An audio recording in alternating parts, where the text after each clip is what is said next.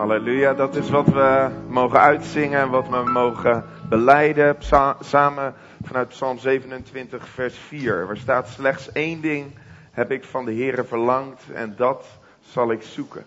Laten we een moment onze ogen sluiten voordat we zo het woord openen en uh, dat ook uitspreken. Vader, dank u wel, Heer, dat we hier mogen zijn en dat deze ochtend, Heer, niet wij allereerst u welkom heten, maar dat u ons allereerst welkom heet in uw huis. Heer, en uh, het is ons verlangen om bij u te zijn. Heer, zoals Psalm 27, vers 4 zegt, slechts één ding heb ik van de Heer verlangd en dat zal ik zoeken. Dat ik mag wonen in het huis van de Heer al de dagen van mijn leven om zijn lieflijkheid te, om zijn lieflijkheid te aanschouwen en te onderzoeken in zijn tempel. Heer, dat is ook wat we willen deze ochtend, Heer. We willen uw lieflijkheid, uw liefde, uw goedheid, uw genade, uw trouw zien. Heer, met elke generatie die hier is, van jong tot oud. Heer, en dank u wel dat u een God van de generaties bent. En dat u daarom ook deze ochtend zegt, hoe je hier ook bent gekomen. Je bent welkom in mijn huis. Je bent welkom in het huis van God. En um, ja, Heer, daarom bid ik ook, Heer, dat u onze harten zal openen, onze oren zal openen om te horen, te, te zien, onze ogen zal openen om te zien wat u tot ons wilt zeggen, Heer.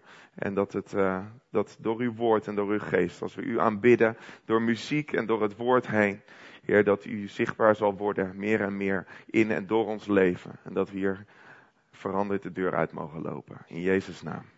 En Gods kinderen zeggen allemaal, Amen. Amen. Amen. Een hele goede morgen allemaal. Of ik weet niet hoe je dat in het plat Greuning zegt. Hoi. Hoi. Nou, mooi. ik, uh, ik zei het gisteren al tegen het muziekteam. Ik heb één keer de fout gemaakt om uh, op een, op, ergens op een avond te staan. Toen zei ik, goedenavond Friesland. Toen bleek ik in Drenthe te staan. Dus, dus ik ben even voorzichtig met accenten en, en dat soort dingen.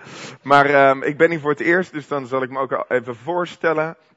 Uh, mijn naam is Jafet Beks. Ik ben getrouwd met Sifra. Um, uh, al zo'n uh, elf jaar ruim. En we hebben drie kinderen. Janoa, meisje van vijf. Sera, meisje van drie. En Josia, Josia onze jongste, die wordt volgende maand één. Dus we zijn gezegend met drie prachtige kinderen. we wonen in het mooie Gouda. Um, in Zuid-Holland. Dus ik was blij dat de reis uh, verdeeld is over twee dagen. Gisteren hier al aan te komen en uh, straks weer uh, terug te gaan. En in Gouda zijn wij, zijn wij aangesloten bij een, een kerk die zo'n vijf jaar geleden is gestart. Een nieuwe kerkplant, die het God Center. En daar mogen we ook in het leidersteam zitten en de aanbidding leiden. En in het dagelijks leven nou ja, zitten wij eigenlijk volledig in de muziek. Dus we hebben een aantal platformen voor muziek op je bruiloft. Yes Music is een platform voor muziek op je bruiloft. Het laatste lied, dat is voor uitvaarten. En het eerste lied, dat is een gepersonaliseerd geboorte- of kinderlied. Um, en daarnaast zijn wij, uh, hebben een band en dit heet In Salvation. En daarmee uh, mogen we eigenlijk door het hele land spelen, mag ik liederen schrijven. Um, en, um, en mag ik dus ook het, het woord delen. En daar ben ik ook deze ochtend en gisteren voor hier bij jullie in het prachtige Appingedam. Uh, dus nou, dankbaar om hier te zijn deze ochtend. Ik heb een uh, powerpointje meegenomen. Het gaat deze ochtend over aanbidden, uh, aanbidding, het ontmoeten van God. En het was heel mooi wat er net al gezongen werd in dat lied. Want het ging over Psalm 27 vers 4, wat ik even aanhield. En dat gaat over dat God er naar verlangt om dat wij in zijn huis mogen, mogen zijn. Dat komt uit het gedeelte uit Lucas, waar, uh, waar, waar Jezus met Martha en Maria zit. En um, dat gedeelte wat daar staat, dan komt Jezus op bezoek bij Martha en Maria. Het is een heel bekend verhaal. En um, Martha, die, die gaat aan het werk, want die denkt, nou, Jezus komt op bezoek. Dus alles moet, moet geregeld worden en alles moet klaargemaakt worden. Uh, maar, maar Maria, die gaat daar zitten. En op een gegeven moment, misschien herken je dat ook wel, in personen of in wie je bent als persoon. Misschien ben je meer een Maria, misschien ben je meer een Martha. Maar die Martha, die denkt op een gegeven moment, ja, leuk en aardig, ik ben het hele huis aan het klaarmaken. En Maria, die zit daar maar. Dus op een gegeven moment wordt het te veel. En dan denk ik, nou, Heer Jezus, doe toch iets. Doe er iets aan. Zijn er mensen in een relatie die denken, ja, mijn vrouw, dat is echt een Martha. Ik zie een paar mannen. Ja, je mag het gewoon zeggen hoor, deze ochtend. Dat is helemaal. Of ja, mijn, mijn man, dat is echt een Maria. Die zit alleen maar. Die doet nooit wat in het huishouden. Dat kan natuurlijk ook. Ja, ja, dat is meer herkenning bij de vrouwen, zie ik. Oké, oké. Maar ja. Maar dan, dan zegt, dan zegt Jezus dus iets. En dan citeert hij dus Psalm 27 vers 4. En Psalm 27 vers 4 is een psalm van David, waarin uh, in de herziene statenvertaling boven staat, sterk in de Here.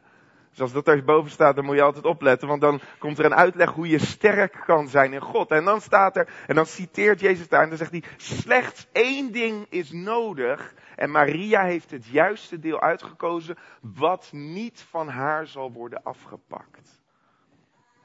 En dat en dat is iets heel bijzonders. Want wat heeft zij dus gekozen? Maria heeft ervoor gekozen om alleen maar aan de voeten van Jezus te zitten. En als het gaat over aanbidding, het ontmoeten van God, dan is dat misschien wel het eerste wat we deze ochtend, wat, wat we mogen, tot ons mogen nemen en zeggen. Aanbidding is aan de voeten van Jezus zitten en luisteren naar zijn woord. En bij hem zijn, en in, in die tekst staat heel duidelijk, um, al, om al de, dat zal ik zoeken al de dagen van mijn leven. In de grondtekst staat daar van zonsopgang tot zonsondergang, van zonsondergang tot zonsopgang. Eigenlijk wat er staat is 24-7. Elk moment mogen wij zijn in het huis van God. En ik, uh, dat is niet mijn preek nu, maar dat, um, als je kijkt naar wat er staat over het huis in de Bijbel, het staat meer dan 2000 teksten gaan er in de Bijbel over het huis. En dat heeft allerlei betekenissen. Maar dat is heel bijzonder, want het huis van God is iets waarin God laat zien dat God onder zijn mensen wil wonen. En daar zal het ook deze ochtend over gaan. En eigenlijk als je het woord van God leest, als je kijkt wat er in de Bijbel staat, dan is er eigenlijk altijd waar je ziet, is dat God er naar verlangt om onder zijn mensen, onder zijn volk te wonen. Dat was al zo in het paradijs. Waarom? Want ze woonden in de Hof van Eden. Amen. Ze woonden in de tuin. Ze waren daar om te wonen. Dat was al zo, daar gaan we zo naar kijken. Deze ochtend zullen we gaan kijken naar de tabernakel. Dat was al zo omdat God daar wilde wonen. Dat was al zo daarna in de tempel. Nou, en dat is het Oude Testament. En als we doorgaan naar het Nieuwe Testament, dan lezen we in 1 Korinthe dat wij nu een tempel, ons lichaam is een tempel van de Heilige Geest. Dus God verlangt ernaar om daar te wonen. Als we lezen in Johannes 14, dan, ziet, dan zegt Jezus op een gegeven moment, maar ik ga heen, waarom? Om een kamer te bereiden in het huis van mijn vader, want in het huis van mijn vader zijn vele woningen. God verlangt om bij zijn mensen te wonen. En dat is waar het misschien deze ochtend wel om gaat. Als het gaat om aanbidding, dan is het het wonen, het ontmoeten van God. En dat is een reis. Dat is een reis waar we allemaal onderweg zijn een reis waar we, waar we ontdekken, waar we misschien al, waar we misschien net onderweg zijn. Misschien, zijn, misschien ben je net tot geloof gekomen, misschien ben je hier meegekomen. Heb je nog nooit een keuze voor Jezus gemaakt. Misschien ken je hem al 40 jaar of langer. Maar ik zou willen zeggen, op die reis waar je ook staat, onderweg bent, er is altijd iets wat God tot een ieder wil spreken en leren. Amen. Hoe jong of hoe oud we ook zijn. Ik zei het gisteren. Ik hoop dat ik uh, zo oud mag worden dat ik altijd, als het woord open gaat, iets mag leren van God. En altijd mag openstaan datgene wat Hij wil ontdekken. Of tot ons wil spreken en wij mogen ontdekken vanuit zijn woord. Um, het is een reis. Ik uh, moest er even over denken. Uh, ik zei net, ik ben ruim elf jaar getrouwd. Vorige maand vierden we dat heugelijke feit. Um, en um, ik moest even terugdenken aan mijn trouwdag. Ik ben wel even benieuwd als, als, als, als jullie als vrouwen, als je denkt aan een trouwdag. Waar denk je dan aan als vrouwen? De witte jurk. Oké, dat is alles? Oké, feest. Nou, zijn erg enthousiast, vrouwen. Nou, je denkt niet aan je man? Oké, okay, nou, ja, dat, nee, ja, ja, dat kan, dat kan. Sommigen denken alleen maar aan een jurk en, niet, en vergeten even dat ze met een man, gaan, dat ze met een man gaan trouwen. Maar, oké. Nou, dan stel ik dezelfde vraag even aan alle mannen hier. Mannen, waar denken jullie aan aan je trouwdag? Aan je vrouw, goed zo, juist, juist. Dat, aan je vrouw, dat is het juiste antwoord en enige antwoord ook natuurlijk. En, en wat nog meer? Sorry? Mustang 500. Kijk, dat is een man naar mijn hart. Ja, ja. Dat, juist, ja. Een Mustang 500. Nou, kijk. Ik heb even een foto meegenomen. Kijk. Kijk. Voor, voor alle vrouwen, dit is dus een Ferrari. Ja. Dit, dit, dit is een Ferrari. Het is jammer dat mijn vrouw ervoor staat, want het was een hele mooie trouwauto. Het was echt een hele mooie trouwauto. Het is een Ferrari 599. Nou, dit is echt. Oh. Wij, wij, zouden. Ja, wij, wij zouden alles in gouden doen. Um, maar toen ik hoorde dat dit de trouwauto werd, zei ik, nou, we gaan wat trouwfoto's maken in Duitsland. nou ja, uiteindelijk is het Den Haag geworden. Eh, de, de, ja, en dan nou, op de A12, dat stukje van Gouden naar Den Haag. dit, dit, dit heeft ruim 600 pk. Het is ongelooflijk. Echt, als ik terugdenk aan mijn trouwdag. Dan, uh, dan, oh man, dat is echt, woe, dan word ik gewoon, uh, ja, word ik helemaal gewoon wild van die auto. Dus wij, dus wij, dus ik zei, nou, wij, dus wij reden, hè, wij reden van, uh, van wij mochten één keer, ik, alles was, dus in Gouden, dus ik mocht die auto al de avond daarvoor ophalen. Het was via via geregeld, dus ik moest wel voorzichtig zijn en zo, maar, dus wij reden uiteindelijk van, van Gouden naar Den Haag, gingen daar in Klingendaal, Den Haag foto's maken en toen mochten we weer, weer, terug. En toen toen, toen zei ik, ik zeg, schat, mag ik nou gewoon één keertje, één keertje gewoon dat gevoel dat je, dat je man bent en dat je leeft. Hè. ik zie hier wel mannen die dat herkennen, die denken, ja, gewoon even. Dus op een gegeven moment, nou, reek op, uh, reek op, reek de A12 en toen, nou, toen ging ik naar zo'n Porsche Cayenne rijden. Nou, dat is op zich best een, een, mooie auto natuurlijk. Dus ik ging er zo naast rijden en ik keek zo even naar rechts naar. Dus ik keek zo even naar rechts en ik, ik schakel, je van die automatische flippers aan je stuur. Oh. Dus ik schakelde zo even terug en ik gaf een dot gas nou. Echt, die Cayenne die was heel snel, heel klein in mijn spiegel. En binnen een paar seconden reek op een snelheid waar ik daarna snel voor vergeving heb gevraagd. En, uh, we, want we waren zo weer in Gouda. Maar dat gevoel, dat was echt, was ongekend. Nou, dat was het hoogtepunt van mijn trouwdag. Ja, maar kijk, mijn vrouw die weet dat ook gewoon. Dus mijn vrouw die gaf mij op ons vijfjarig huwelijk, uh, ons feest, gaf ze mij een, een dagje, uh, een, uh, een auto cadeau om een dagje te gaan rijden. Dus dat, toen heeft, zijn we samen gegaan. Dat was een BMW Z4. Ja, ik, ik, ik vind auto's leuk. Dus een BMW Z4. Dus toen hebben we een dagje gereden. Maar we zijn toen naar Duitsland gegaan. Toen zei ze, nou, ze kwam aan het eind van de dag uit die auto half wakkelend. Zo, ze zegt, nou, de volgende keer ga maar met een vriend, want dit, uh, dit is niks voor mij. Um, nou ja, waarom vertel ik dit verhaal? Ik weet niet, het is wel een mooi verhaal, toch? Nee. Nee, nee, nee. Ik, waarom vertel ik dit verhaal? Als mijn focus, als mijn focus is om zoiets, of als dit mijn focus is, als dat mijn bestemming is, bepaalt dat ook hoe ik mijn tijd, hoe ik mijn effort en hoe ik alles wat ik doe, hoe ik dat inricht om bij die bestemming te komen, om bij dat doel te komen. En zo is het ook in ons leven. Als wij ons doel helder hebben, onze focus helder hebben, helpt dat ons om ons richting en bestemming te geven in het leven. Amen. Want wat ons doel is, wat onze bestemming is, dat wordt ook onze focus en daar gaan we onze tijd en onze effort en alles aan geven. En dan is het gewoon een heel eerlijke vraag als het gaat om het ontmoeten van God. Wat is ons doel? Wat is onze focus? Wat is ons hart? Wat willen we? En als we dan weten, ja, maar dat is de ontmoeting met God, want daar gaat het om in aanbidding. Ja, als dat ons doel is, dan mag ook alles wat mag daarvoor plaatsmaken. En wees blij dat als je Jezus kent, dat je een hoger doel hebt dan alleen maar aardse zaken. Die soms leuk zijn en waar we van mogen genieten. Dat is het niet. Maar het is allemaal maar tijdelijk. En het gaat allemaal op een gegeven moment roesten en oud en verrot. En noem het maar op. Dus wat is ons doel? Wat is jouw, wat is uw doel? En wat is onze focus als het gaat om het aanbidden van God? Nou, hoe komen we in aanbidding? Hoe komen we in aanbidding? Dat is even goed om te vertellen, want de Bijbel spreekt daarover dat er vroeger in de hemel was er een aanbiddingsleider.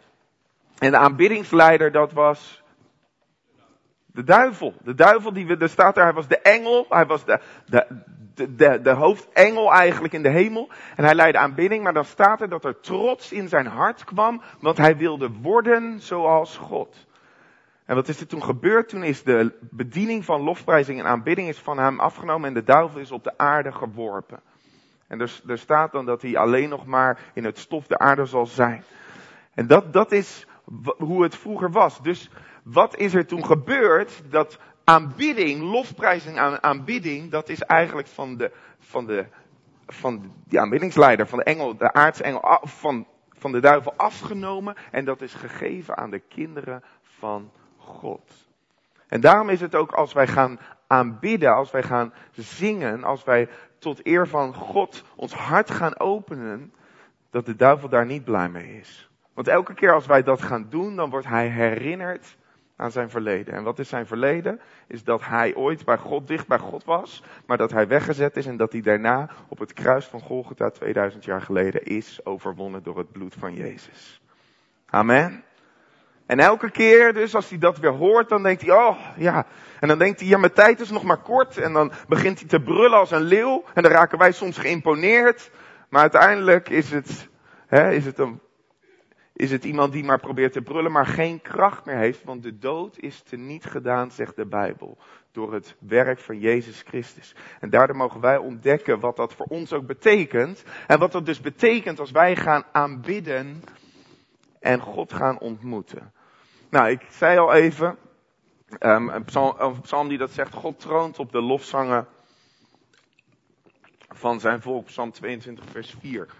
En dat is dus ook mooi. Ik, ik leer mijn kinderen altijd, waar woont, waar woont de Heer Jezus? Ik zeg, de Heer Jezus woont op drie plekken. En mijn uh, twee meisjes van drie en vijf, die, die, uh, die zegt dan vaak voordat we s'avonds gaan slapen, zegt dan, nou, waar, woont de Heer Jezus? En zegt de eerste, zeg je, hartje, hartje. Dus dan, nee, hij, hij woont in je hartje inderdaad. Zeg, waar woont hij, woont hij, woont hij nog meer? Ja, in de hemel. Hij woont ook in de hemel. Ik zeg, nou, hij woont in de hemel en hij woont in ons hart. En zegt, en er is nog een derde plek waar de Heer Jezus woont. Want wat is de derde plek waar de Heer Jezus woont? Dat is wat hier staat. Er staat dat Hij onder ons woont als wij Hem aanbidden. Dat Hij troont op de lofzangen van zijn volk. Gelooft u dat deze ochtend? De Heer Jezus is hier in ons midden. Amen. Als we dat eens tot ons door laten dringen, als we dat beseffen dat de Heer Jezus hier in ons midden is.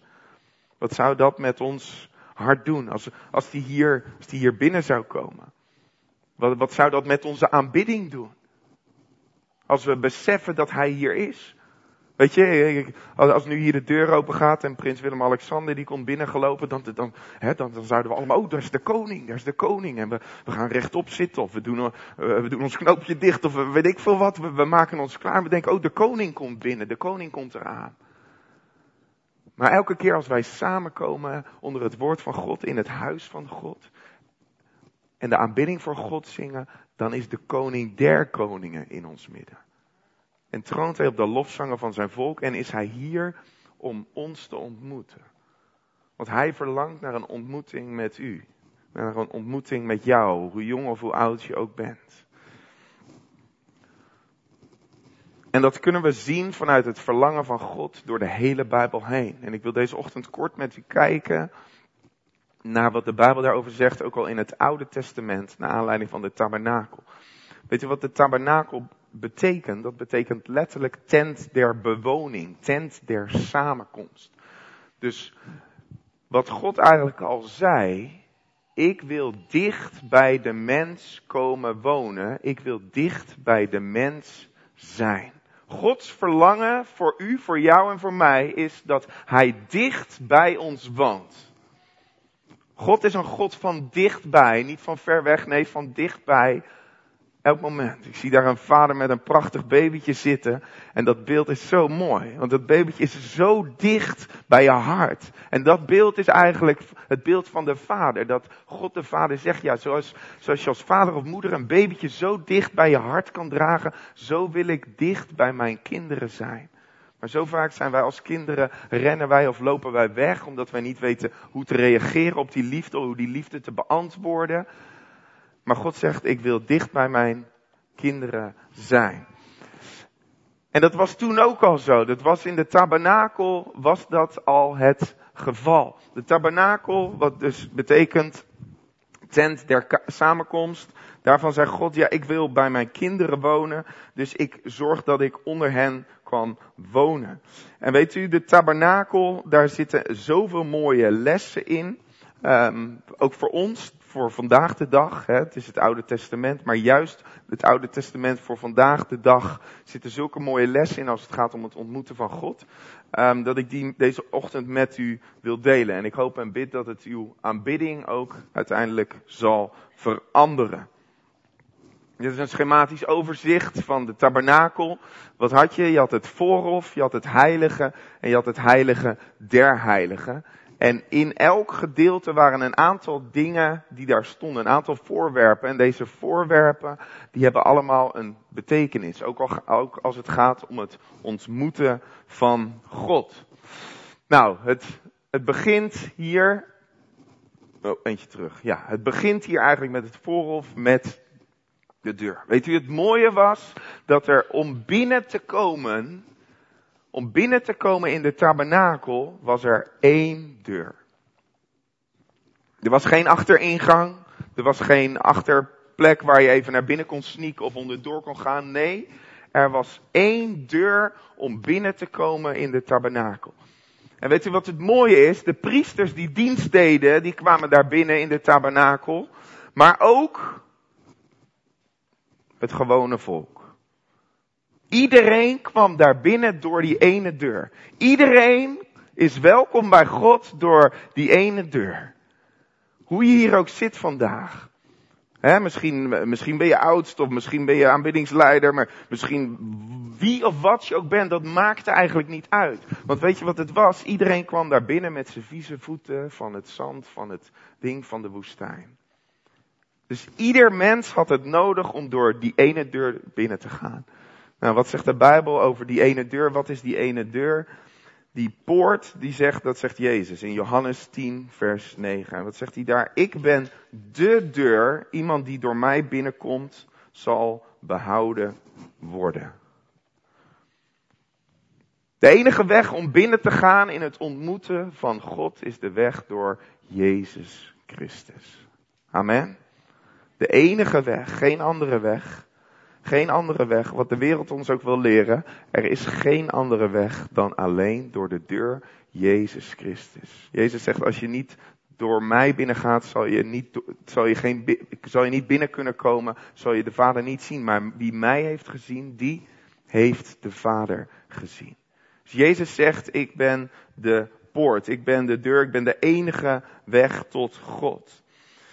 En weet u, dat is voor sommigen van u hier misschien een eerste moment geweest. Misschien weet je nog waar je was toen je zo'n keuze maakte. Ik weet het nog, ik was 14 jaar oud. Het was in augustus 2001 en ik was op een internationaal kamp van operatie mobilisatie, OM, 10th Street in Duitsland. En het was maandagavond en de aanbidding werd geleid in de throne room zo heette dat. Marcel, Marcel Lydia Ziemer, René en Elise Kruisman, die leidden de aanbidding. Dat ze later allemaal uh, mogen vertellen hoe bijzonder dat voor mij was als tiener.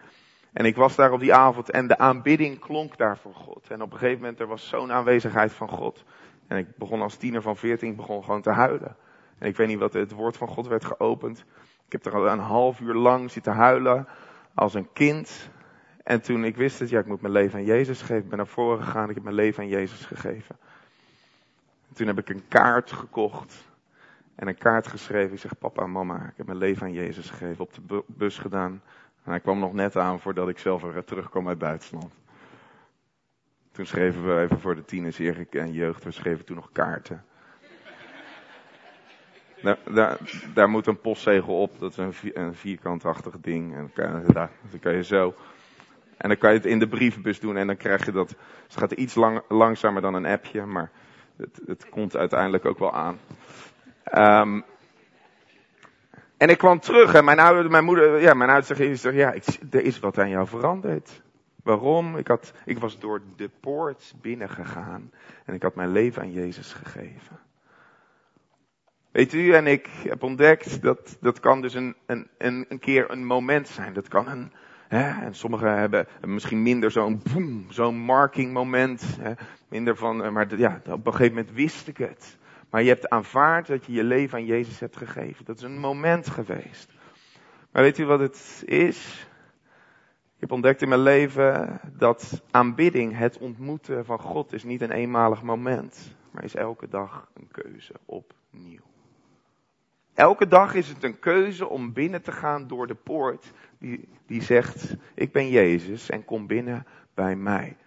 Vandaag, deze dag op zondag 22 oktober, heeft u allemaal de keuze gemaakt om hier binnen te gaan, in het huis van God. Om binnen te komen, om te zeggen, ja, ik kom binnen in het huis van God. Want ik weet dat ik hier welkom ben. En ik kies ervoor om hier te zijn. Weet u, en dat is een hele belangrijke als het gaat om het aanbidden van God. Om een keuze te maken. Aanbidding is altijd een keuze. Zullen we straks nog verder op gaan. Maar aanbidding is altijd een keuze. U en ik hebben allemaal zelf de keuze om, om te kiezen wat we willen. Want we zijn mensen die vrij zijn om te kiezen. Zo heeft God ons gemaakt.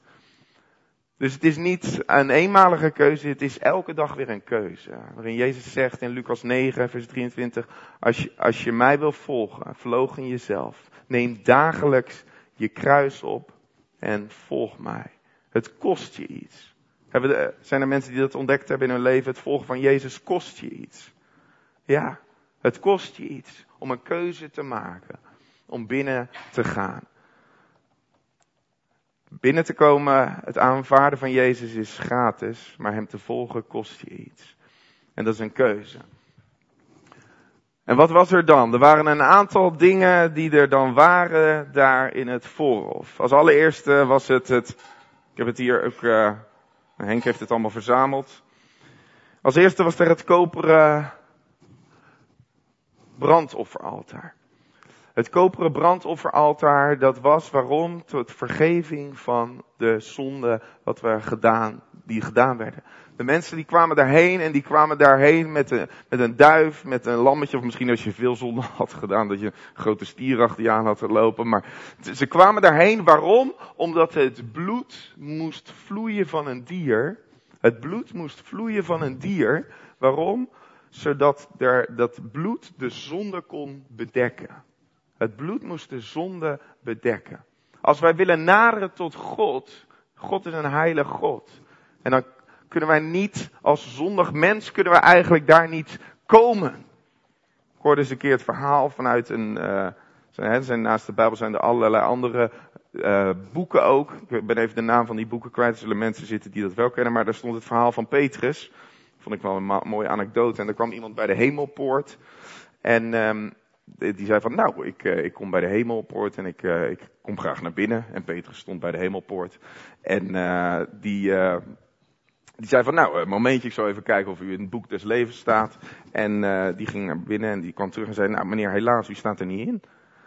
Dus u mag niet naar binnen, u, u, kunt, niet, u kunt niet naar binnen hier.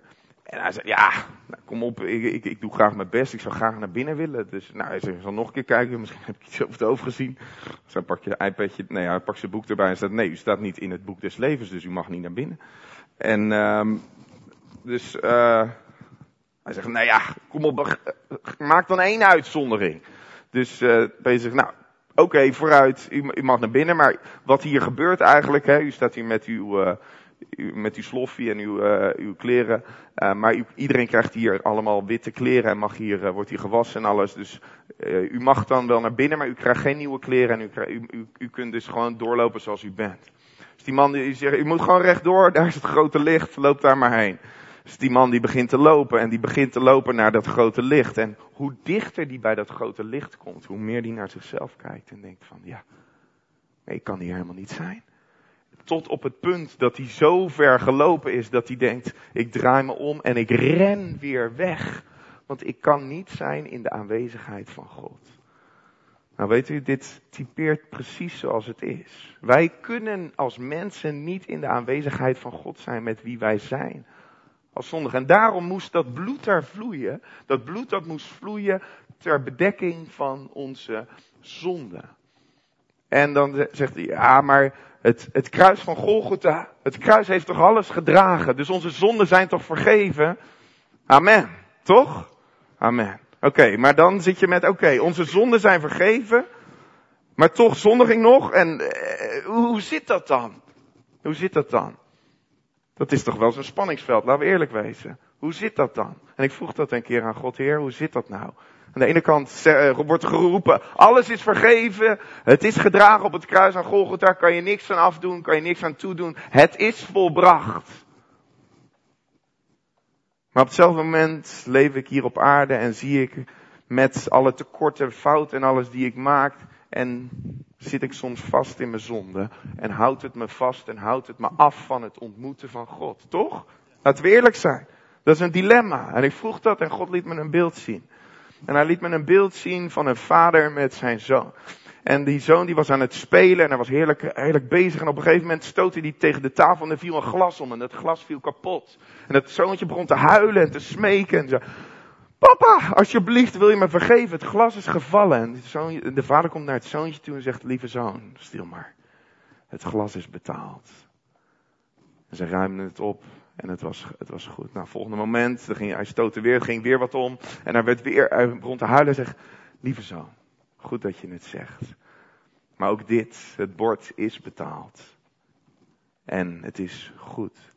En het volgende moment zat de vader boven en was er beneden en er vielen weer een aantal borden. En de vader hoorde wat er gebeurde. Maar het zoontje had er niks van gezegd, had het snel weggemoffeld. En had eigenlijk het daar gelaten. De vader had gehoord wat er gebeurd was en zag later de scherven in de prullenbak. En toen was het alsof God zei, 1 Johannes 1 vers 9, waar staat, indien wij onze zonde beleiden, God is getrouw en rechtvaardig om onze zonde te vergeven en ons te reinigen van alle ongerechtigheid. En God zei, dit is de sleutel.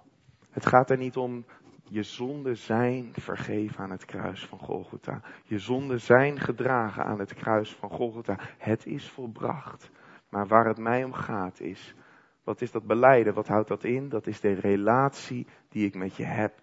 En zoals een vader met zijn kind communiceert, wil ik ook als vader met jou als kind communiceren. En wil ik horen van jou waar je mee bezig gaat. Wil ik in relatie met je staan. Dus dat was het eerste, is dat ze zijn zonde moesten beleiden. En wat staat er? Zodat de zonden bedekt werden. Wat zegt Johannes als Jezus aankomt lopen, als, als hij daar in, in het water staat in de Jordaan? En als Jezus aankomt lopen om zich te laten dopen. Hij zegt, zie daar, het lam Gods dat de zonde van de wereld wegneemt. Ziet u, vroeger werden de zonden werden bedekt in het Oude Testament. In het Nieuwe Testament is Jezus gekomen, die bedekt je zonde niet. Nee, hij neemt ze weg. Het staat niet meer tussen jou en hem in, hij neemt ze weg. Alleen willen wij een relatie met de Vader leven. Om bij Hem te wonen, in een relatie van dag op dag met Hem te leven. Zodat die zonde niet meer in, in de weg staat, maar dat we leven dat ze weggenomen zijn. Amen. tweede wat er stond is het koperen wasvat. Het koperen wasvat is het, is het beeld van dat wij gereinigd moeten worden van onze wereldse denken. Als allereerste wat ik net zei, iedereen kwam daar vies vanuit de woestijn met zijn vieze voeten en zijn vieze dingen. Ze moesten zich schoon laten wassen. Wat zegt de Bijbel? Het woord van God is als water wat ons schoon wast. Dus dat is aan de ene kant het beeld wat hier staat. In het ontmoeten van God is het zo belangrijk dat je het woord van God tot je neemt, zodat het woord je kan wassen.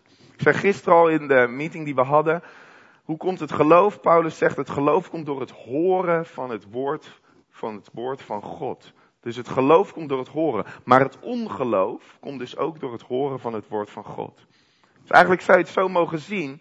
Als je, als je, hier, de, als je hier naar buiten loopt en je loopt, loopt de wereld in en je komt deze week misschien op school. Je ontmoet er allemaal en er komen allemaal dingen in jouw gedachten. Er komen allemaal dingen in jouw oren. Allemaal dingen die tot jou gesproken worden. Maar heel veel van die dingen zijn we niet, misschien niet zoals God ze heeft bedoeld. Of niet zoals God ze wil. Dan zegt God eigenlijk, als je mij ontmoet en je binnenkomt in het huis van God, dan mag dat woord van God tot je komen, alsof al die gedachten en al die leugens, als het ware, van je afgespoeld worden. Het mag van je afgespoeld worden, zodat niet de leugen, maar de waarheid van God weer gaat heersen in je hart. En dat dat weer het eerste wordt in jouw hart. En dat hebben we allemaal nodig. Dus dat is het beeld van het water wat ons reinigt van het wereldse denken. En het is ook het beeld van het water, van de doop door onderdompeling. Ik werd net wel even bij bepaald toen Henk dat zei van er is een doopdienst. En ik geloof dat hier nog mensen zijn die nog niet gedoopt zijn. En het is niet voor niks dat Jezus zegt, um, want, want hè, hij komt dan bij Johannes en hij zei, zie dit het lam dat de zonde van de wereld wegneemt. Hij zegt, laat, ik wil, laat, doop mij. En Johannes zegt, nee, ja, ik, ik kan u niet dopen. Hij zegt, jawel, doe, help mij. En dat Jezus zich laat dopen.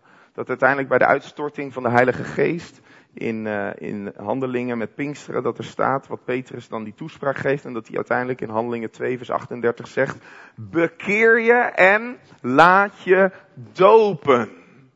En wat is het woord wat daar gebruikt wordt? Daar is jullie naam als gemeente aan gekoppeld. Baptisto, baptist. Dat betekent onderdompeling. En dat betekent onder water gaan. Ik noem het wel eens zo. Als je een kopje thee hebt. Wat doe je met je koekje en je thee? Die? Die besprenkel je. Nee, nee, nee, nee. Je doopt je sopt je koekje, hè? Je, ik, ik heb hier gisteren, hoe heet dat nou wat ik gisteren op heb hier? Dat poffert. Poffert. Zo, ik ben even ingegreuningd gisteravond. We hebben poffert gegeten. Nou jongens, ik heb mensen gezien, die hebben een halve, halve kilo uh, boter over hun poffert heen gegooid. Die besprenkelden er niet, nee, die doopten hun poffert onder in de boter. En daarna een lading suiker, jongens. Nou, en genoeg voor een hele maand. Maar ze doopten het onder. En dat is wat daar staat. Als het gaat om het ondergaan. Het is het onderdopen, het ondergaan. Het begraven en het opstaan met Christus. En ik, ik werd er al bij bepaald. En ik, ik heb een paar dingetjes eventjes om dat te, benoemen.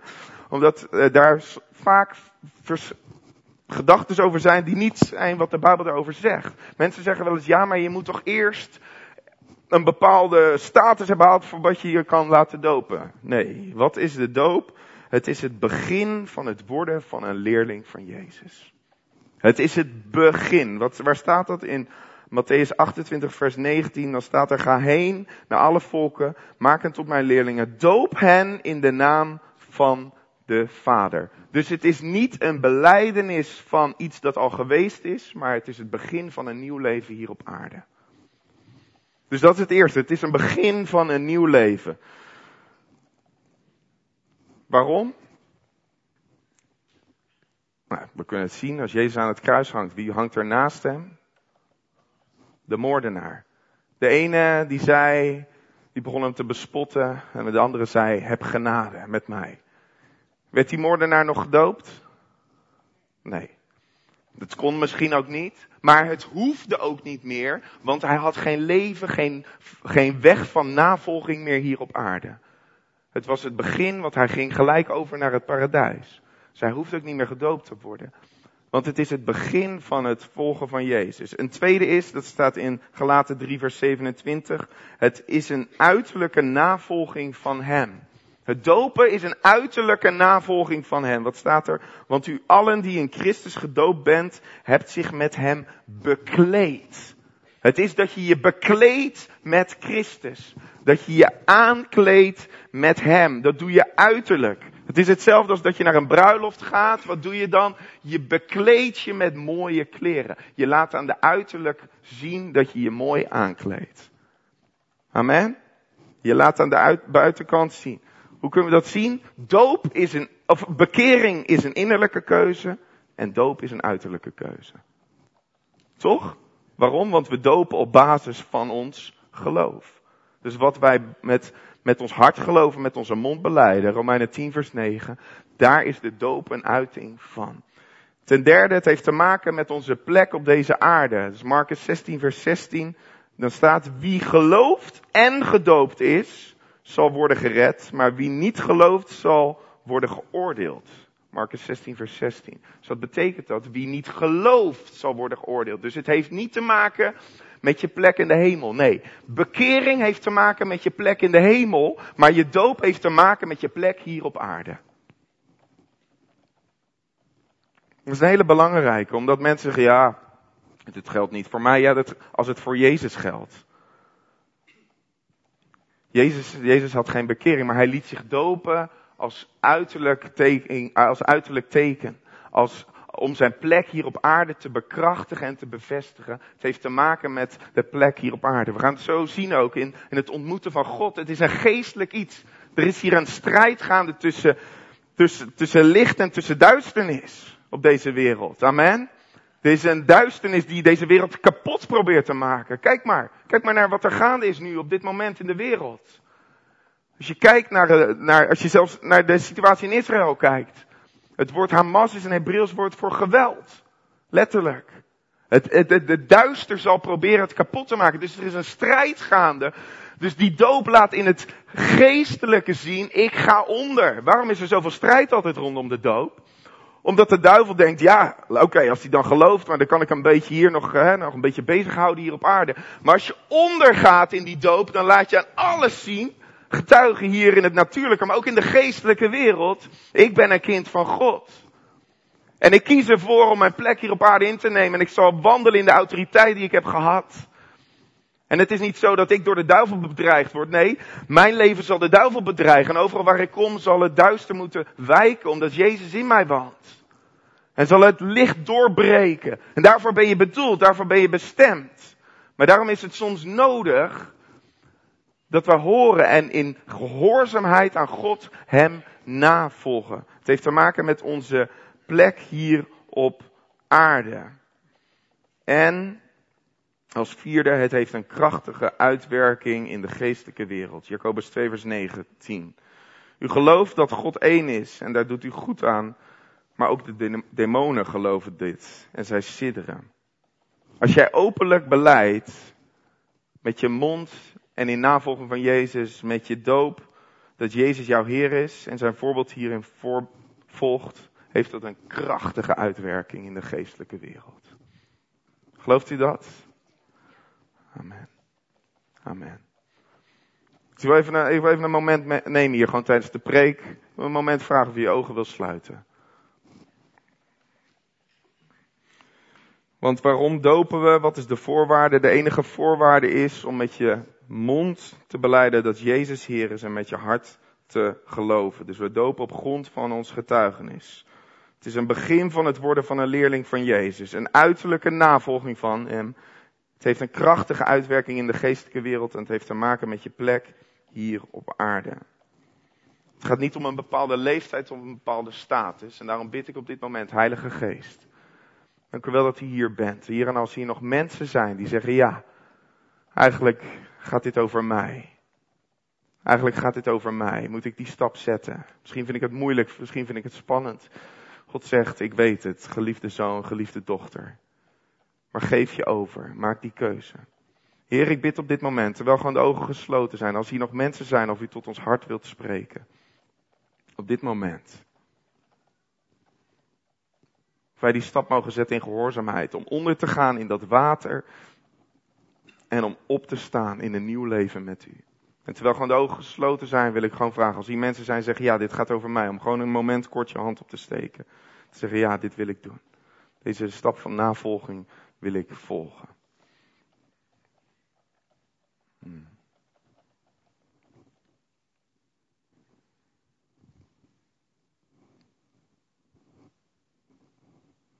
Dank u wel, Heer, dat u spreekt door uw Heilige Geest tot onze harten.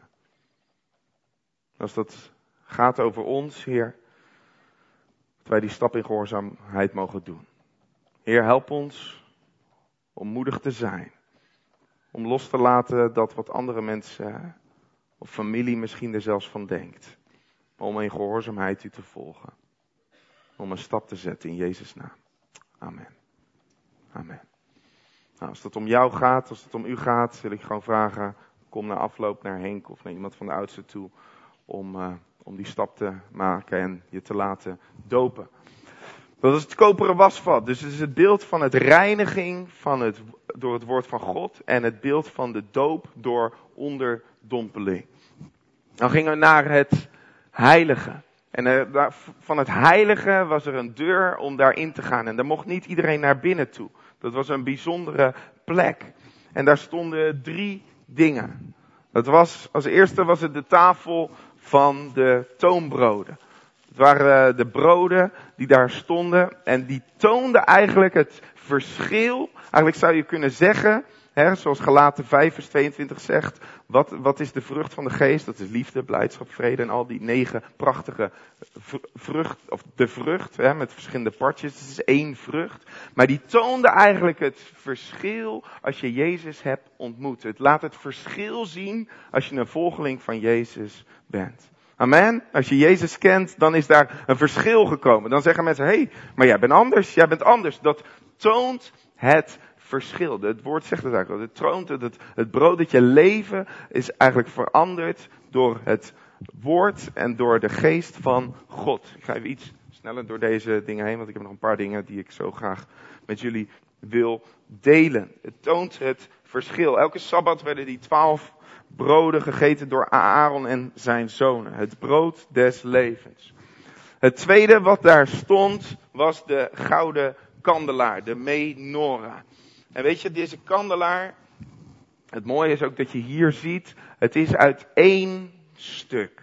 Het is uit één geheel. En waar werd die mee gevuld? Die werd gevuld met olie. En die werd gevuld met olie zodat het maar, de olie eigenlijk, dat dat aangestoken werd, zodat er altijd licht was. En wat is het beeld van olie? Het beeld van olie is het beeld van de Heilige Geest. Dus daar in dat heilige, daar ging het erom dat, dat de vrucht van de geest zichtbaar werd, maar ook dat de Heilige Geest zichtbaar wordt. In het ontmoeten van God, die reis die we met elkaar gaan, is het zo dat de Heilige Geest onmisbaar is. Het, het kan niet zonder. Amen.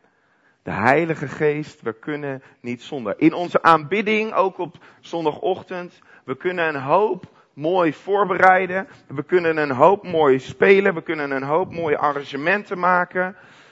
Maar als de geest er niet in is, hè, het is zelfs een spreekwoord. Als de geest eruit er is. De geest is uit de fles. De geest is er niet. We kunnen hier van alles optuigen, maar als de geest er niet is, dan is het eigenlijk voor niets. En dat is ook dus het beeld. Het spreekt van de Heilige Geest uit één stuk. Dat de Heilige Geest ons één maakt. En de Heilige Geest wil blijven stromen. Ook als wij met elkaar aanbidden. Ik zeg het altijd tegen mijn kinderen. Wanneer, waar woont Jezus? In de hemel, in je hart en onder ons. Dus dat wil zeggen, als wij Jezus aanbidden in je eentje, dan woont hij in je hart. En dan mag de geest blijven stromen. Maar ook als wij met elkaar aanbidden en Jezus daar is, mag de geest blijven stromen. En derde wat daar stond was het gouden wierookaltaar. En dit wierookaltaar, of ook wel het reukofferaltaar genoemd, dat staat voor onze aanbidding en onze gebeden. Dat dat als een reukoffer aan God is. Het mooie is dus als wij met elkaar aanbidden, dat het een heel mooi moment is ook om je gebeden tot God te brengen. Het was zo als dit offer gebracht werd, dan was het hele volk in gebed en aanbidding. Werd heel ik werd heel blij verrast toen ik hier uh, gisteren aankwam en ik zag heel groot uh, aan de voorkant Huis van Gebed. Nou, dat is ook een liedje wat ik heb geschreven, dus ik dacht, nou wat leuk dat de titel van mijn liedje hier op, uh, op de voorkant van het, van het huis staat. Maar ik hoorde dat het elke week is, het Huis van Gebed. En ik dacht, ja, maar dat, dat, dat is het, weet je wel. Dat is die wierook die we tot God brengen. En die wierook die we tot God brengen, onze aanbidding en onze gebeden tot Hem. En dat we ook mogen weten dat elk gebed wat we, we vanuit ons hart oprecht bidden, dat God dat ook zal bewaren en dat hij dat mee zal nemen, dat hij dat zal verhoren. Amen.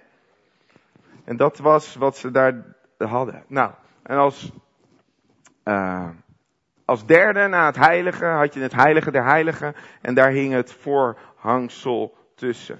En dat was de ark des verbonds. Deze ochtend een munitiekist met een gitaarstandaard. Om een beetje het beeld te geven. Dat was de ark des verbonds. Dat was de het derde. En daar mocht maar één keer per jaar mocht alleen daar de hoge priester komen.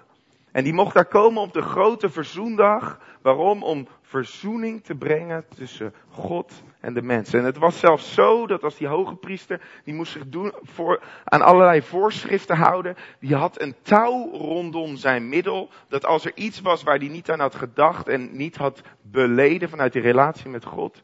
En die dood zou neervallen, dat ze hem met een touw zo naar buiten zouden kunnen slepen. Want onze God is een heilig God. Want wat lagen daar in die, in die ark? Daar lagen de stenen tafelen. Daar lag de wet van God. Daar was de heerlijkheid van God. We lezen ook als de ark op een gegeven moment buiten wordt gemaakt en David de ark wil gaan terugbrengen en op een gegeven moment ze dat doen op een manier die niet was zoals God en ze proberen hem tegen te houden als hij omdraagt te vallen, dat ze dood neervallen. Want dat is de heiligheid van God. Dat is de aanwezigheid van God. Daar in die tabernakel. Nou, we hebben het dus over een reis. En wat zegt de Bijbel dan? In 2 Korinthe 3 vers 18. En bij allen die met een aangezicht waarop geen bedekking meer is, de heerlijkheid des Heren weerspiegelen, veranderen naar hetzelfde beeld van heerlijkheid tot heerlijkheid. Immers door de Heere die geest is. Ik zal hem nog een keer voorlezen. Hele mooie tekst. 2 Korinthe 3 vers 18. En wij allen die met een aangezicht waarop geen bedekking meer is, de heerlijkheid des Heren weerspiegelen, veranderen naar hetzelfde beeld van heerlijkheid tot heerlijkheid, immers door de Heere die geest is. Dus wat zegt dit eigenlijk? Als wij in ons leven leven op die reis en het gaat om aanbidding en Hem ontmoeten, dan zouden we moeten veranderen. Toch? En het werd stil in Appingedam. We zouden moeten veranderen, toch? Als het gaat om het ontmoeten met God.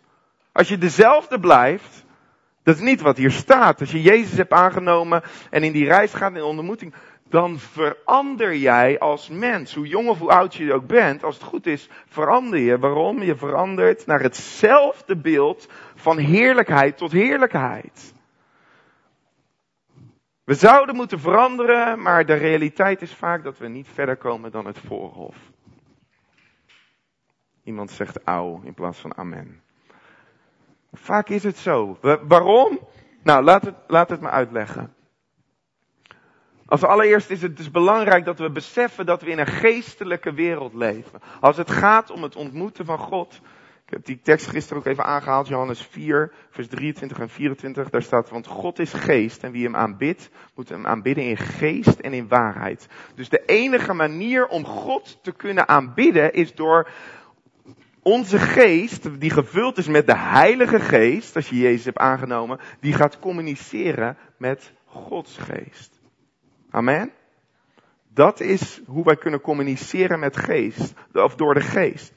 Nou, het is dus belangrijk dat we ook beseffen dat we in een geestelijke wereld leven. De Bijbel spreekt over drie werelden. De eerste wereld is als je hier naar buiten kijkt, en dat is de wereld die je ziet. Dat is de wereld, de blauwe hemel, drie hemelen. Um, dat, die je kan zien met je ogen. De tweede, dat staat in, in 2 Korinthe 12, dat is waar, de, waar het rijk der duisternis, waar de strijd gaande is. Dat is waar, waar, waar het duister aan het strijden is tegen het licht. En de derde is het koninkrijk van God. Dus even, ik hoop dat het begint te, te downloaden, te dagen. We hadden het voorhof, het heilige en het heilige der heiligen. Maar we hebben dus ook in het geestelijk hebben we drie werelden. Het de natuurlijke wereld, de wereld waar de strijd gaande is en de, de hemelse wereld. Dus de geestelijke wereld en de hemelse realiteit van het koninkrijk van God. Nou, hey, als mens. Als mens besta je ook uit drie dingen. Dit is de buitenkant. Dat is de verpakking. Maar je hebt ook een ziel en een geest. En als mens zijn we vaak heel veel bezig met onze buitenkant. Maar weet je, die buitenkant, dat is eigenlijk het voorhof. Dat is je lichaam, dit is je ziel en dit is je geest. Geest, ziel en lichaam. En wat betekent dat dus? Dat betekent dus dat wij hier, als wij hier zijn in het ontmoeten van God, dat er, dat er iets zou moeten veranderen, maar dat wij het dus ook nodig hebben om hier een keuze te maken. Om een keuze te maken eigenlijk in het ontmoeten van God, in dat voorhof, dat dat een plek is waar je je vlees kruisigt. Wie houdt er van barbecuen? Oké, nou. Dus je, ja. Dus we houden er wel van om iets op, uh, op het vuur te leggen. Maar vaak vinden we het moeilijk om ons eigen vlees op het vuur te leggen, op de barbecue. Toch? Laten we eerlijk wezen. Want dat speelt zo lekker op en dat, hè, dat, dat, dat. Maar eigenlijk wat hier staat dus, is dat je je vlees moet kruisigen. En ik zal het nog scherper zeggen. Als jij je vlees niet kruisigt, zul je nooit God ontmoeten op zo'n manier zoals het is bedoeld. Want je zal altijd blijven hangen hier in dat natuurlijke. Hè? We hadden het over natuurlijk, geestelijk en het koninkrijk van God. Vlees, of, of je lichaam, je ziel en je geest. Dus het is een keuze die hier begint. En ik zei het gisteren in het team ook, als je hier binnenkomt, dan heb ik het even over het, het plenair met elkaar aanbidden. Dat is een keuze hoe je hier bent binnengekomen, hoe je hier al binnenkomt. Kies je ervoor voordat je hier binnenkomt om dat vlees lekker te laten waar het hoort. En dat is bij, bij, aan de voet van het kruis. Om dat oude vlees af te leggen, om je niet meer te laten leiden door dat oude vlees wat misschien wel kan opspelen. Maar weet je, vaak is er heel veel gedoe rondom aanbidding, omdat het vlees opspeelt bij mensen.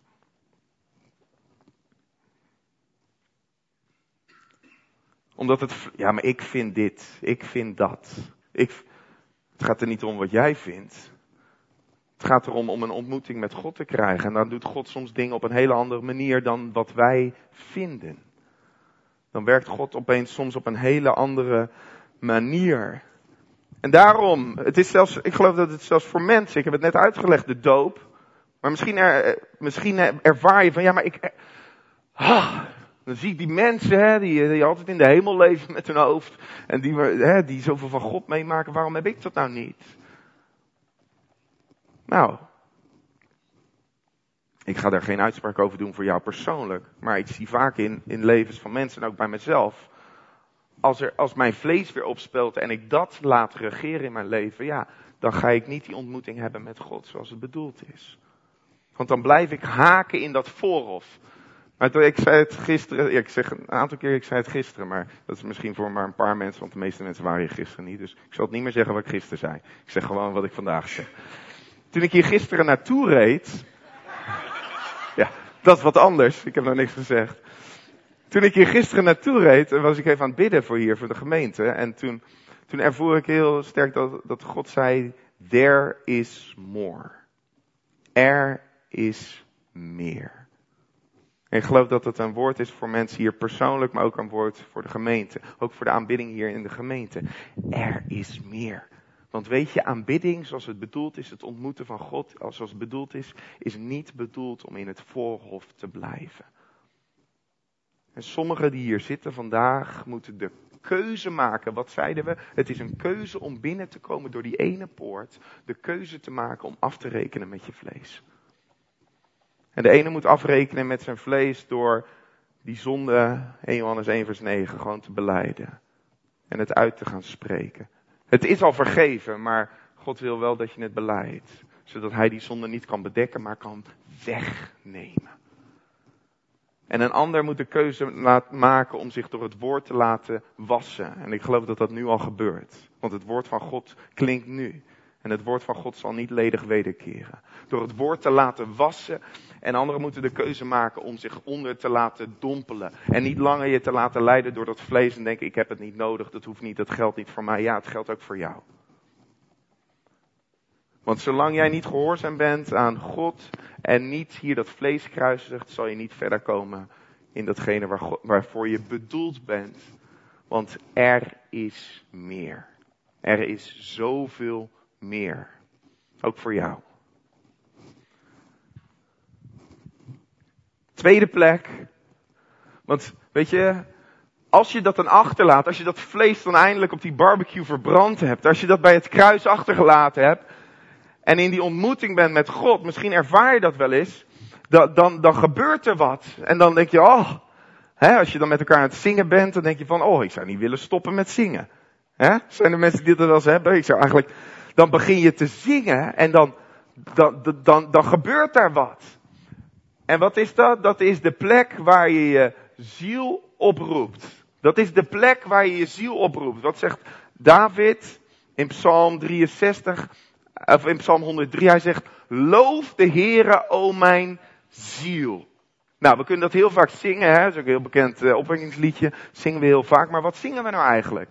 een wat eigenlijk? Wat daar staat, wat is je ziel? Je ziel is je wil, is je denken en is je gevoel.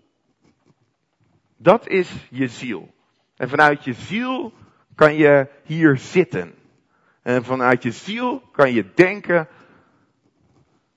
Weet ik veel wat je denkt. Of wat een, druk joch uit Gouda. Wat loopt hij daar heen en weer? En, uh, of vanuit je ziel kan je voelen. ik, ik, ik voel me ongemakkelijk. Of dat is vanuit je ziel. Kan je dingen voelen, kan je denken of kan je willen. En weet je wat ik heb ontdekt in mijn leven? In je ziel is vaak, is vaak heel bedrieglijk. Want vaak voelen we ons op een bepaalde manier en daardoor laten we ons leiden. Toch? Hè? Ja, ik heb er vandaag niet zo'n zin in, die aanbidding. Hè? Hè, ze zijn wel enthousiast, maar ik ben niet zo zin in, dus ik, ik laat het maar even aan me voorbij gaan. Oh, maar wat hadden we gezegd? Aanbidding, het ontmoeten van God is een keuze. Dus als ik me niet zo voel, dan kan ik me ervoor kiezen om me te laten leiden door mijn gevoel. Maar dan zal ik nooit komen waarvoor ik ben bedoeld, want er is meer. Als ik me laat leiden door wat ik wil, nou ik als mens wil vaak niet zo, toch? de ene is een ochtendmens, de ander een avondmens. Ik ben een avondmens. Ik ontdek dat Henk ook een avondmens is. Iska is meer een ochtendmens. En uh, vanmorgen zat ik aan het ontbijt met kleine oogjes. Dus ik heb genade met me. Nou, dat, dat hadden ze. Maar, dus dan wil ik niet zoveel. Ja, het liefst in mijn bed liggen, weet je wel. Maar ik, hè, ik ben over het algemeen niet zoals ik wakker word. Halleluja! Ik kies ervoor. Nee. Dan moet ik tegen mijn ziel spreken en tegen mijn ziel zeggen, wat ik ook voel, wat ik ook denk, wat ik ook wil, ik kies ervoor om God te aanbidden. Kan ik amen horen hier? Ik kies ervoor. En weet u, dat is, ik ga even op een stoel staan, want dat is iets wat we moeten horen en moeten gaan doen. Dat is een keuze die we moeten gaan maken, want dat gaat ons vrijzetten. Dat gaat ons vrijzetten, dat gaat ons verder brengen in die ontmoeting, in die aanbidding met God. En David, die had het ook. Want David, dit was een mens, nou, dat was een mens net zoals, zoals jij en ik. Die had er ook vaak waarschijnlijk geen zin in. En daarom zegt hij, oh mijn ziel, loof de Heere. Hoe vaak staat er niet over al die grote mannen gods dat ze neerslachtig waren, dat ze depressief waren, dat ze, noem het allemaal maar op. Dat is hetzelfde als de, tijd waarin we nu leven en wat wij kunnen voelen, ervaren en alles. Maar als je dan kiest om God te aanbidden, dan verandert er wat. Dat is ook wat Psalm 50 vers 23 zegt. Wie lof offert, die eert mij. Als je het offert, dat kost je wat. En wat staat er dan? Zodat ik hem mijn hel zal laten zien. Weet je, Gods hel, ander woord voor genezing, voor herstel, voor bevrijding, voor zijn liefde, voor zijn goedheid, voor noem maar op. Dat zal je gaan zien als het je iets kost. Nou, ik denk allemaal zoals we hier zitten, zijn, ben je wel eens door zware periodes in je leven gegaan, toch? Laten we eerlijk zijn. Je hebt heftige periodes dat je denkt, ik zie het niet, ik weet het niet meer. God, waar bent u? En je hebt allemaal periodes in je leven gehad dat je boven op de berg stond, bergtop stond en dacht, ik kan de wereld aan, toch? Ja, herkennen we al. Op welk moment was het makkelijker om God te aanbidden? Boven op die berg of daar beneden in dat dal? Boven op die berg, hè? Want we staan nog eens letterlijker dichter bij de hemel, hè? Dus je bent, dat is veel makkelijker om God te aanbidden als het goed gaat met je in je leven. Als je je fijn voelt, als, als alles voortvarend is. Maar wanneer het is juist moeilijk in je leven, als jij dwars door die moeilijkheden heen gaat, maar ondanks je gevoel, ondanks je wil, ondanks je denken, ervoor kiest om God te aanbidden. Want dan gaat er wat gebeuren. Want wat staat er dan? Ik begon er net even mee toen over de ziel. Dan zegt David, hij zegt, o mijn ziel, dorst naar u. Misschien zit je hier wel eens en denk je, ach, die liedjes worden toch e-, eindeloos herhaald. Ouch. Het werd weer stil in Appingedam. Die liedjes worden eindeloos herhaald. Nou weet u, dat is niet voor niks. Dat is niet voor niks. Soms hebben wij het nodig dat onze ziel doorkrijgt en een keuze maakt om God te aanbidden. En dat die tekst, dat, dat, dat we niet in dat vlees blijven hangen, maar dat we een stap verder gaan in het heilige en tot onze ziel gaan spreken.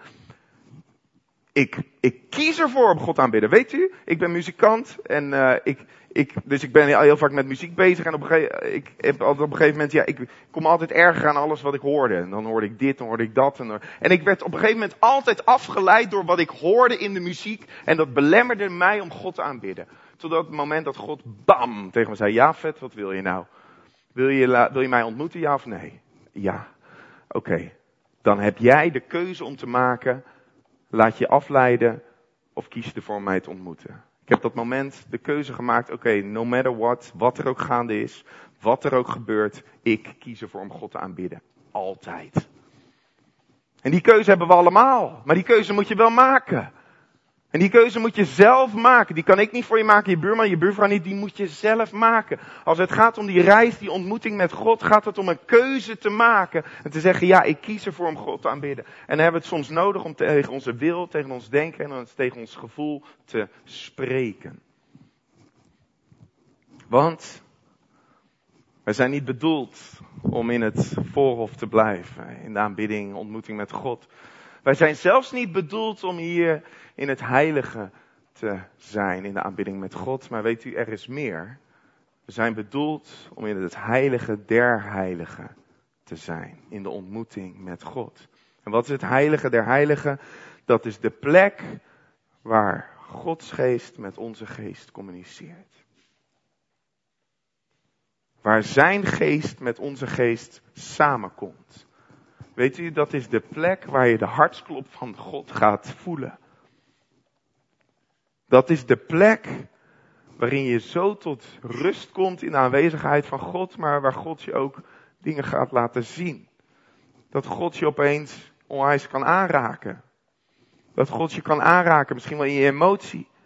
Dat hij dingen gaat herstellen. Dat is de plek waarin hij nieuwe dromen geeft. Dat is de plek waarin visioenen komen. Dat is de, de, plek waar nieuwe visie geboren wordt. Dat is de plek in de, gewoon in de aanwezigheid van God te zijn. Bovenal waar jij gewoon als zijn zoon, als zijn dochter,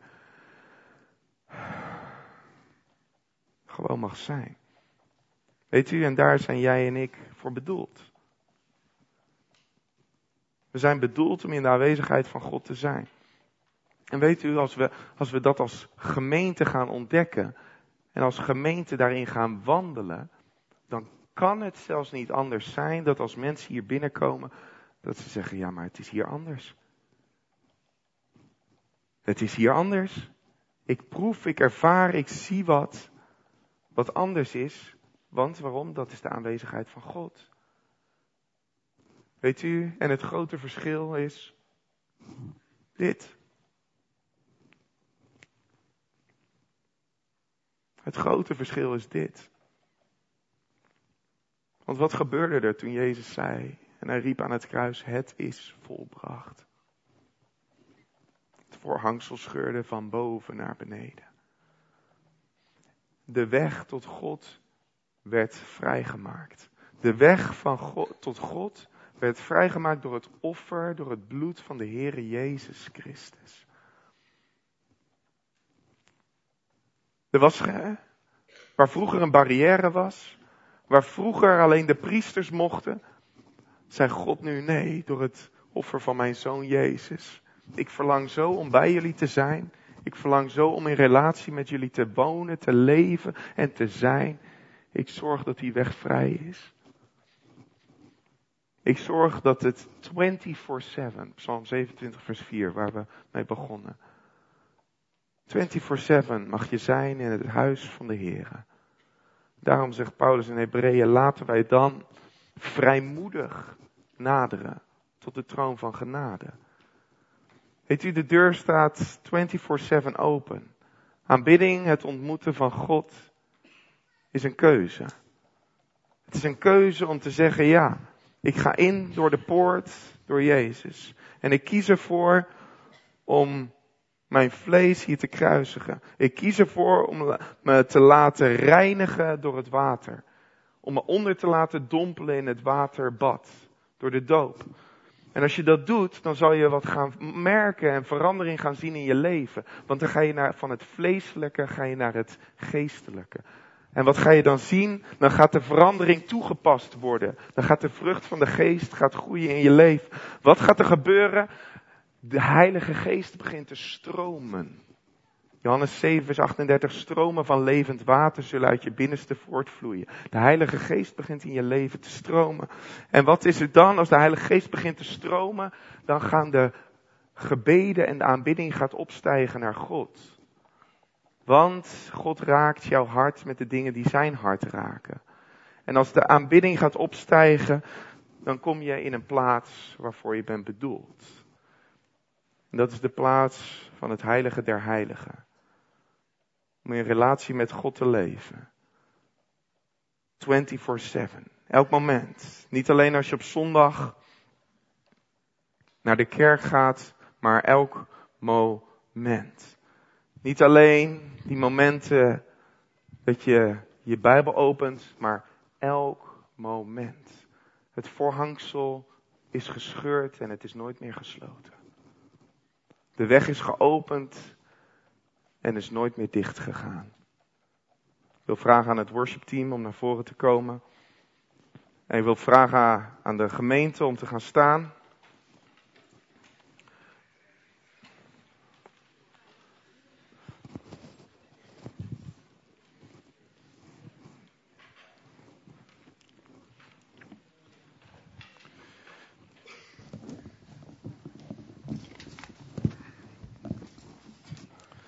En ik, we gaan zo meteen met elkaar een aantal liederen van aanbidding tot God zingen. Maar ik wil voordat we dat gaan doen, je mag alvast uh, spelen Harry. Voordat we dat gaan doen wil ik gewoon uh, vragen of je een moment je ogen wil sluiten. En wil ik gewoon een moment met elkaar bidden. En als je hier staat en zegt, ja, het is mijn verlangen eigenlijk om, om gewoon in die ontmoeting met God, in de aanbidding en de ontmoeting met God te leven. Niet af en toe, maar elk moment 24/7. Misschien sta je hier en zeg je wel van ja, eigenlijk blijf ik vastzitten in dat voorhof. Blijf ik vastzitten in mijn vlees met al die dingen die me steeds weer tegenhouden. Of misschien zeg je ja, dat heb ik afgelegd, maar ik, het is voor mij nodig om te zeggen ja, ik moet tegen mijn ziel spreken. Ik moet tegen mijn denken, mijn wil en mijn gevoel spreken. En je verlangt ernaar om gewoon uit te stappen naar dat meer van God. Om in het heilige der heiligen in connectie en relatie met hem te leven. Als je staat wil ik je gewoon vragen. Je zegt ja dat is mijn verlangen. Jong en oud wil ik je gewoon vragen om je handen te openen. Gewoon je handen voor je te openen als teken naar God. Ja Heer. Ik verlang ernaar om te leven in dat heilige der heiligen. In de ontmoeting met u. Om niet genoegen te nemen met minder, maar om te leven zoals het is bedoeld. In de aanwezigheid van u. Open maar gewoon je handen en dan spreek maar een gebed uit. Lieve Heer Jezus, wij zijn hier deze ochtend. Heer, en we willen u danken voor uw woord. We willen u danken voor uw verlangen, wat altijd spreekt tot ons en zegt: Ik verlang ernaar om bij mijn kinderen te zijn. Heer, en u ziet, u, u ziet ons hier op dit moment. Heer, en we openen onze handen als teken naar u. Ja, Heer, we, kom maar, Heer, spreek maar, Heer, tot ons. Heer, wat het is om ons vlees achter ons te laten, om tegen onze ziel te spreken, maar bovenal om ons uit te strekken, Heer, naar meer van uw Heilige Geest. Heer, en ik bid, Heer, dat deze handen die geopend zullen zijn, een keuze zullen zijn, niet alleen vandaag, maar vanaf deze dag. In de wetenschap dat u altijd zult aannemen degene die voor u kiest. En die zegt, ja, kom maar. Kom maar bij mij. Heer, en zo willen we ook, Heer, in de liederen die volgen, u de aanbidding geven. En tot eer en glorie van uw naam zingen. Zo wees verheerlijkt hier in ons midden. In Jezus' naam.